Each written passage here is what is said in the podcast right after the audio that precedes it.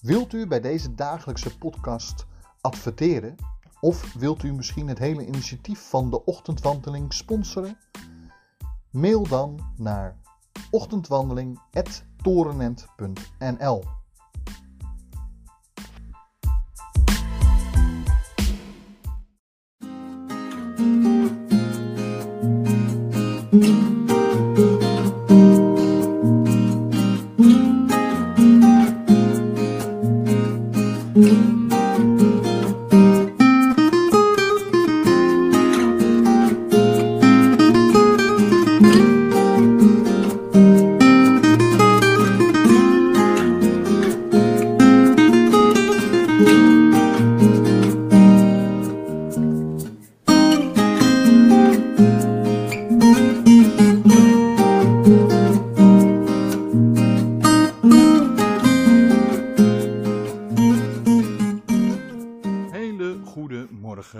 Deze morgen bij de ochtendwandeling. Mijn naam is Bastiaan Tornent. Ik ben theatermaker en acteur.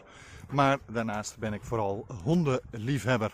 En iedere morgen loop ik dus eh, een lang end. Voor de mensen die zich afvragen, doe je dat smiddags ook? Ja, smiddags loop ik ook altijd een lang end. Maar s'morgens maak ik een filmpje waarbij ik wat dingen met u als kijker bespreek. Ehm, dit filmpje wordt ook omgezet in een podcast. En deze podcast is tegenwoordig te vinden op eh, nou ja, anchor.fm. eh, of natuurlijk mijn eigen website, waar ook de filmpjes te zien zijn. www.torenent.nl. Maar ook natuurlijk uw favoriete, eh, een van uw favoriete eh, podcastplekken of muziekluisterplekken. Spotify, daar kunt u de ochtendwandeling, als u dat intikt in de zoekbalk, dan vindt u ook deze filmpjes als podcast. En dan kunt u gewoon naar mij luisteren. Eh, alle afleveringen zijn daar ook te vinden. Eh, binnenkort is het ook op Google Podcast te vinden. En natuurlijk voor de Apple gebruikers op Apple Podcast. Eh, echter duurt de goedkeuring voor de podcast daar ietsje langer. Nou, voor de mensen die nou deze filmpjes en de podcast erg leuk vinden en mogelijk eh, willen bijdragen of het willen steunen eh, of gewoon sponsoring of eventueel voor de podcast eh, of voor een filmpje of tijdens een filmpje willen adverteren. Dat kan natuurlijk. Schrijf dan een mailtje naar ochtendwandeling.torenent.nl Nou, als eerste moet ik wel altijd de disclaimer zeggen. ik ben geen enkele autoriteit op wat voor gebied dan ook. Zelfs in het theater, als theatermaker en acteur, stel ik helemaal niets voor. Dus, de mensen die bijvoorbeeld reageren op mijn filmpjes op YouTube. Eh, op YouTube ben ik namelijk te vinden op mijn eigen kanaal Bastiaan Torenent of op het kanaal Torenent. Eh, mensen die eh, direct afgaan op titels van filmpjes en dan meteen vinden dat ze daar van alles van moeten zeggen. Ehm, ik weet niet waar u de moeite voor doet, want ik ben zelf eh, geen autoriteit. Ik stel niet zoveel voor en volgens mij heeft iedereen recht op zijn eigen mening. U natuurlijk ook, maar als u maar 30 seconden of niet eens 30 seconden van een filmpje kijkt, hoe kunt u dan beweren dat u eh, al gelijk een volledige mening over mij kan hebben? Nou, eh, zoals u ziet lopen mijn honden hier. Het is vandaag wat mistiger, zoals u ziet. Ehm, ze zeggen dat het heel mooi weer gaat worden. Echter, eh, hier in Zandvoort bij de kust is er toch nog wel veel zeemist. Dus het zal waarschijnlijk pas aan het eind van de middag worden dat het weer wat op gaat klaren. Op zich past de mistige, eh, hoe heet het, de mistige omgeving wel bij natuurlijk eh, het onderwerp van vandaag. Want wat heb ik als onderwerp? Nou, mijn onderwerp is weer de verkiezingscampagne. Maar het gaat mij niet om de campagne zelf.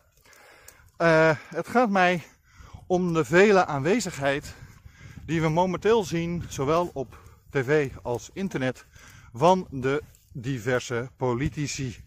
Uh, met name de lijsttrekkers natuurlijk, maar ook andere mensen van politieke partijen.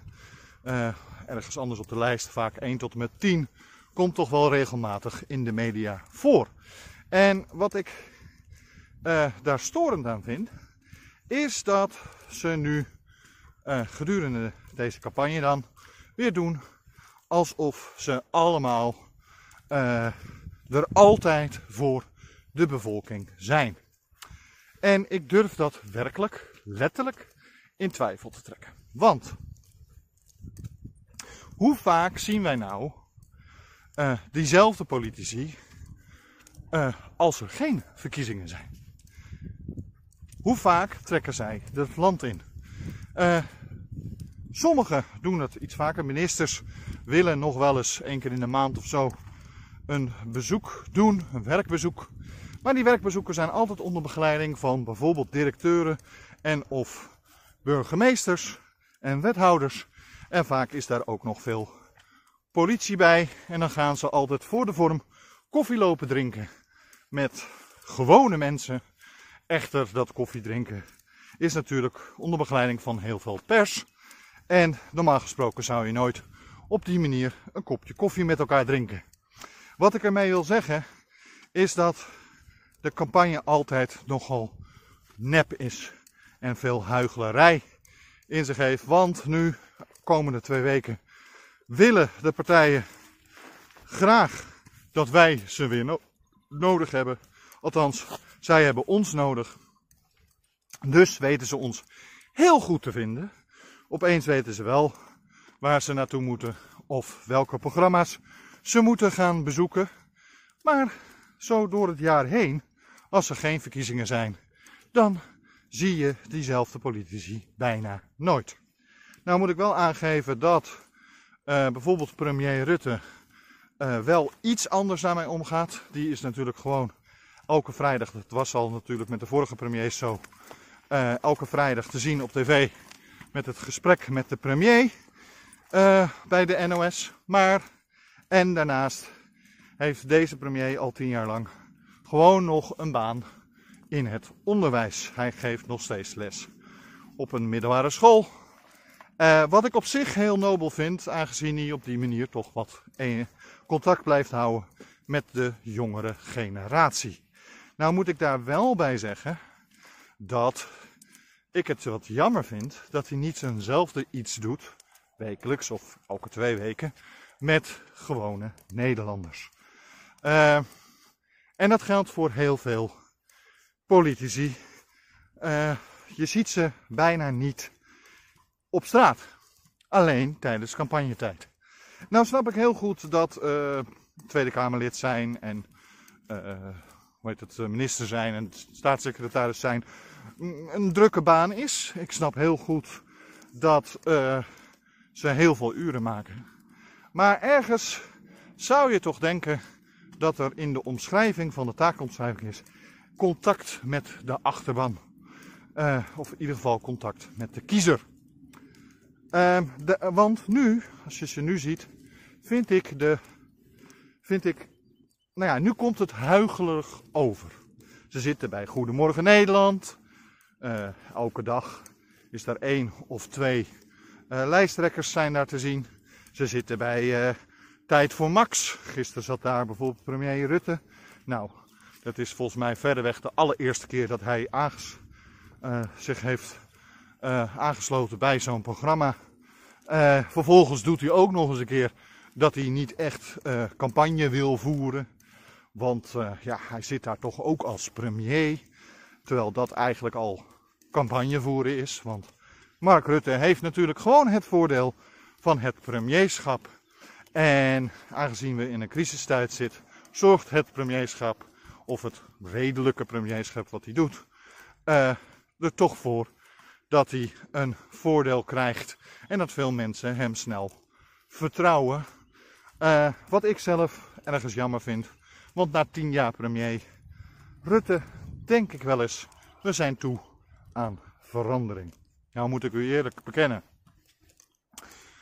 De alternatieven, uh, dan weet ik ook niet precies wie dan premier zou moeten worden. Kijk, eerst hadden we een wat duidelijker alternatief. En dat was Asscher.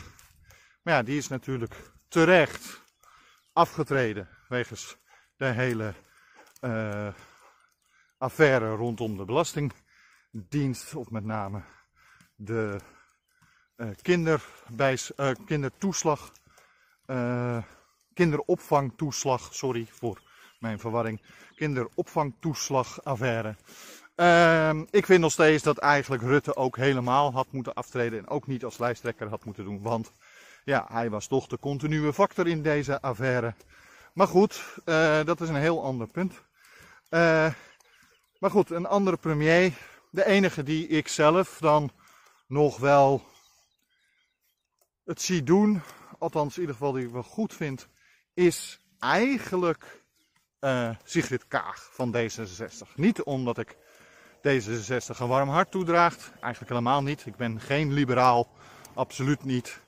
Uh, maar ik vind haar ja, toch wel een goede minister. En een, nou, ze staat stevig in de schoenen. En ik zou het ergens ook wel fijn vinden als Nederland eindelijk eens een keer geschiedenis schrijft voor Nederland dan met een vrouwelijke premier. Um, nou kan het natuurlijk dan ook Ploemen worden, want dat is de PvdA. Alleen, ja, waar staat de PvdA momenteel voor? Dat is nog steeds een beetje de vraag. Ze zitten een beetje nog steeds in een soort ideologische crisis. Aangezien de SP is conservatief links. Nou ja, GroenLinks is uh, in principe progressief en uh, milieulinks. En ja, de PvdA die hangt daar een beetje tussenin en soms is het weer rechtser. Het is een beetje de vraag van wat willen ze. Uh, nou moet ik wel gaan geven dat hier in Zandvoort zit voor de PvdA een hele goede fractievoorzitter. Uh, dus ik wil niet zeggen dat alle politici van de PvdA slecht zijn of niet weten uh, wat hun idealen zijn. Want zij, ik zal haar naam even noemen, Maaike Koper, weet wel degelijk hoe goed, uh, wat goed is voor de Zandvoortse bevolking vanuit een wat linkser arbeidersperspectief. Maar ja, dat is lokaal niveau. Dat is natuurlijk niet het landelijke beleid. Goed, Rutte doet alsof hij geen campagne voert, maar voert wel degelijk daarmee eigenlijk campagne. Nou ja, Hoekstra viel gisteravond in een tv-programma waar hij normaal gesproken ook niet zo snel zou zitten, althans niet in deze manier. En hij valt het veel harder af dan dat hij normaal gesproken zou doen. Want afgelopen vier jaar hebben Hoekstra en Rutte continu lopen slijmen bij de linkse partijen. Om maar genoeg stemmen te krijgen. Bijvoorbeeld in de Eerste Kamer, waar ze geen meerderheid hebben als kabinet. Dus hebben ze continu GroenLinks, D66, eh, PvdA en de SP nodig gehad. Eh, maar nu is het natuurlijk campagnetijd. Dus valt hij heel hard de PvdA, GroenLinks en D66 aan. Want hij vindt dat zij niet het eerlijke verhaal vertellen. En hij zegt gewoon, ja, na de coronacrisis hebben we nog een economische crisis, dus zullen we weer moeten bezuinigen. Hij heeft duidelijk niets geleerd, nou zat hij er toen nog niet, maar goed, niets geleerd van de afgelopen economische crisis. Want de eurocrisis, uh, toen is er heel hard bezuinigd door ook kabinet Rutte. Uh, met het CDA notabene en de PvdA trouwens in eerste instantie nog. Hebben ze heel hard bezuinigd. En waar denk je dat nu momenteel alle problemen binnen het onderwijs en binnen de zorg vandaan komen? Dat komt nog uit die periode. Het is gewoon weg kapot bezuinigd. Wilt hij dan weer nog verder de zorg afbreken? Wilt hij dan nog weer nog meer de sociale zekerheid afbreken als we straks misschien nog steeds een economische crisis hebben na de coronacrisis? Ik denk zelf dat de crisis daarna redelijk mee zal vallen. Want als de economie eenmaal, als alles weer open mag en open kan gaan, dan zijn er misschien wel miljarden verloren gegaan. Maar ja, de staat heeft heel veel van die miljarden opgevangen.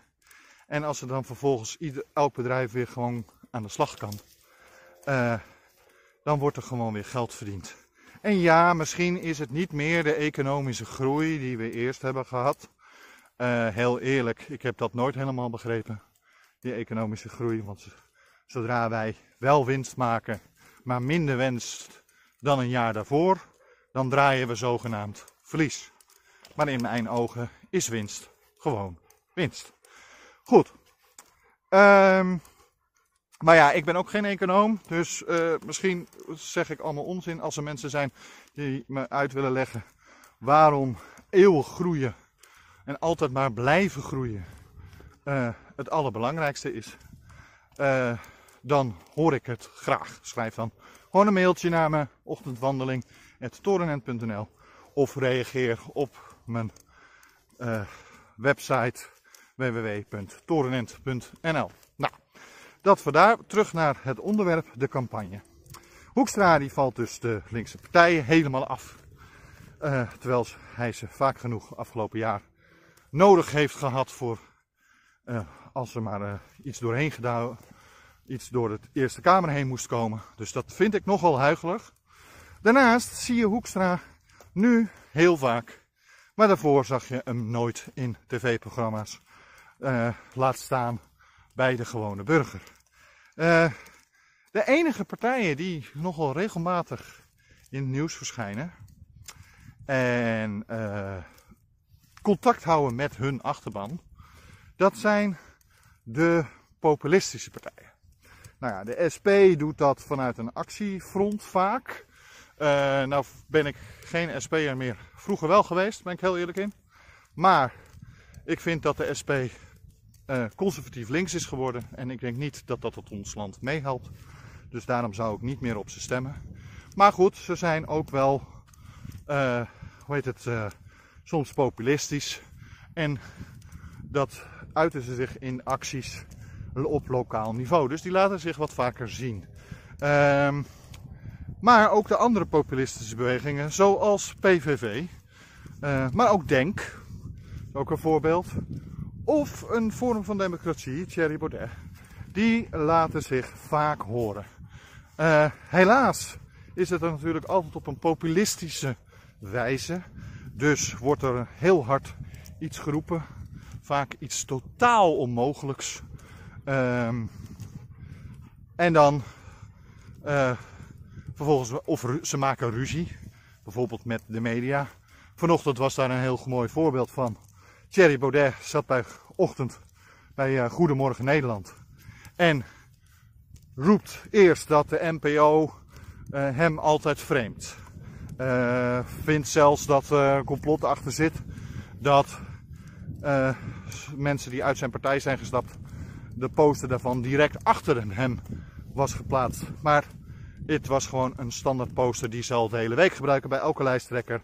Dat, dat toevallig die ene van Ja 21 direct achter hem uh, zat.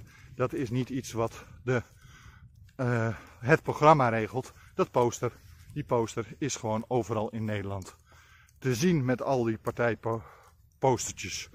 Uh, maar goed, vervolgens zegt hij ook nog eens dat het NOS fake nieuws is.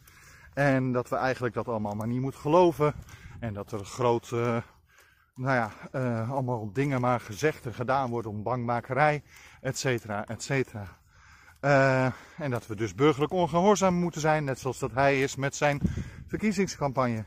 Maar vervolgens, iets later een onderwerp verder, uh, zegt hij dat hij tegen polarisatie is. En dat hij niet polariseert.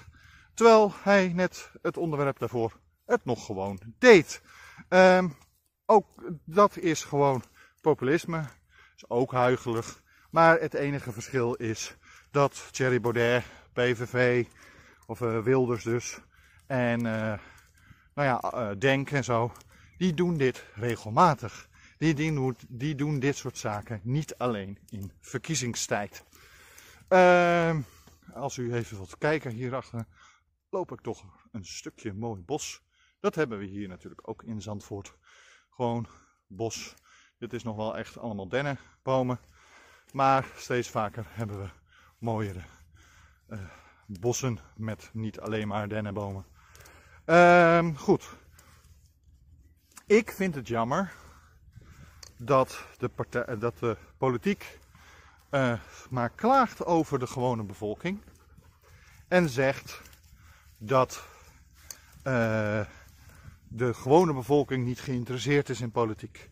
De gewone bevolking uh, de, het contact met de politiek kwijt is geraakt. Maar is het niet gewoon andersom? Is de politiek niet het contact met de bevolking kwijtgeraakt? Want in mijn ogen, door zo weinig te, letterlijk onder de bevolking te zijn, door zo weinig je te laten zien op die, in diverse programma's, door zelfs zo weinig de discussie aan te gaan met andere mensen uit de samenleving, uh, maak je dat de politiek alleen maar verder van je afstaat. Uh, en de bezoekjes, de koffiedrinkjes met waar ook de burgemeester en allemaal pers bij zijn, dat is natuurlijk één grote huigelarij. Dat is allemaal nep. En het feit dat mensen dan wel iets vertellen aan zo'n politicus, maar er vervolgens niet naar geluisterd wordt door die politicus, wordt opgevat door de gewone bevolking als uh, dat ze de politici toch niet naar hen luisteren. En heel eerlijk, hierin moet ik de gewone bevolking en dus ook de populisten gelijk geven. Vind ik nou dat iedereen populistisch moet gaan stemmen? Nee, vind ik absoluut niet. Uh, uh, we moeten niet afgaan op de populisten, omdat die meer contact hebben met hun achterban of met de gewone kiezer standaard. Nee, want als wij dat doen, met z'n allen daarop stemmen, dan krijgen we volgens mij veel ergere praktijken. Uh, ik moet heel even stoppen.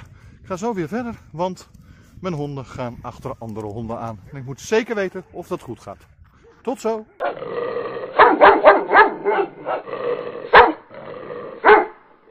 Goed, dat was een kleine hondenruzie.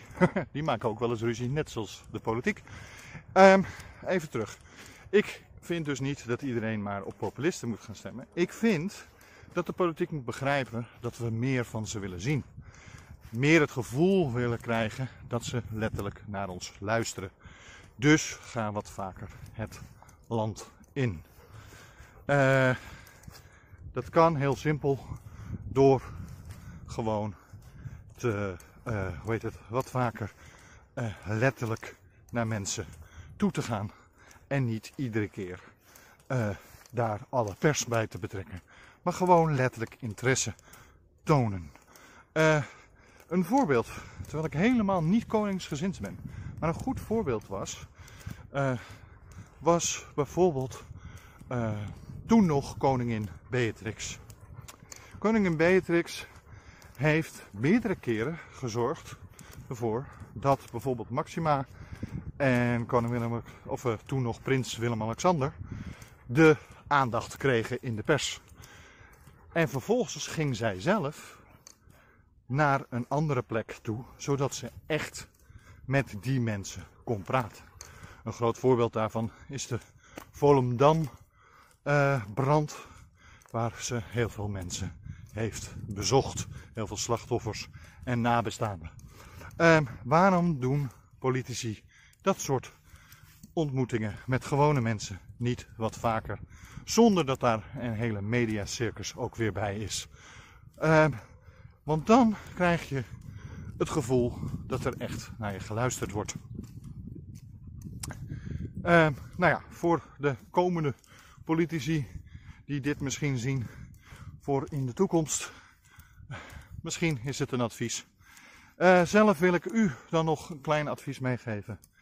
Uh, geloof niet alles wat de partijen nou allemaal lopen te roepen tijdens de verkiezingscampagne.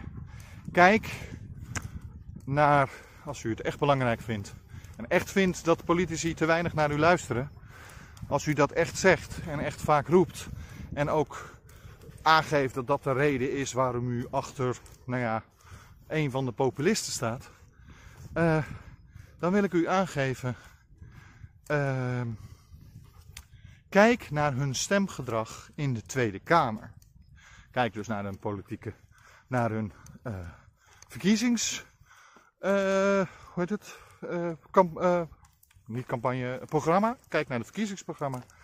En kijk naar hun stemgedrag van de afgelopen jaren. Want dan kom je vaak achter de conclusie dat bijvoorbeeld de PVV helemaal niet zo vaak instemt. Een populist die continu zegt dat hij opkomt voor de gewone bevolking, maar stemt vervolgens wel in met heel veel VVD-standpunten. Bijvoorbeeld zijn ze voor lagere belasting voor multinationals en een verlaging in eerste instantie van, of uh, ja, een verlaging van het minimumloon. Terwijl ze in hun verkiezingscampagne continu beweren dat ze voor een verhoging zijn. Nou, dat wil ik u meegeven. Uh, maar u hoeft niet naar mij te luisteren. Zoals ik eerder zei, ik ben geen autoriteit op niks. Nou, ik hoop dat u een fijne woensdag verder heeft. En ik zie u waarschijnlijk weer of spreek u morgen. Mm-hmm.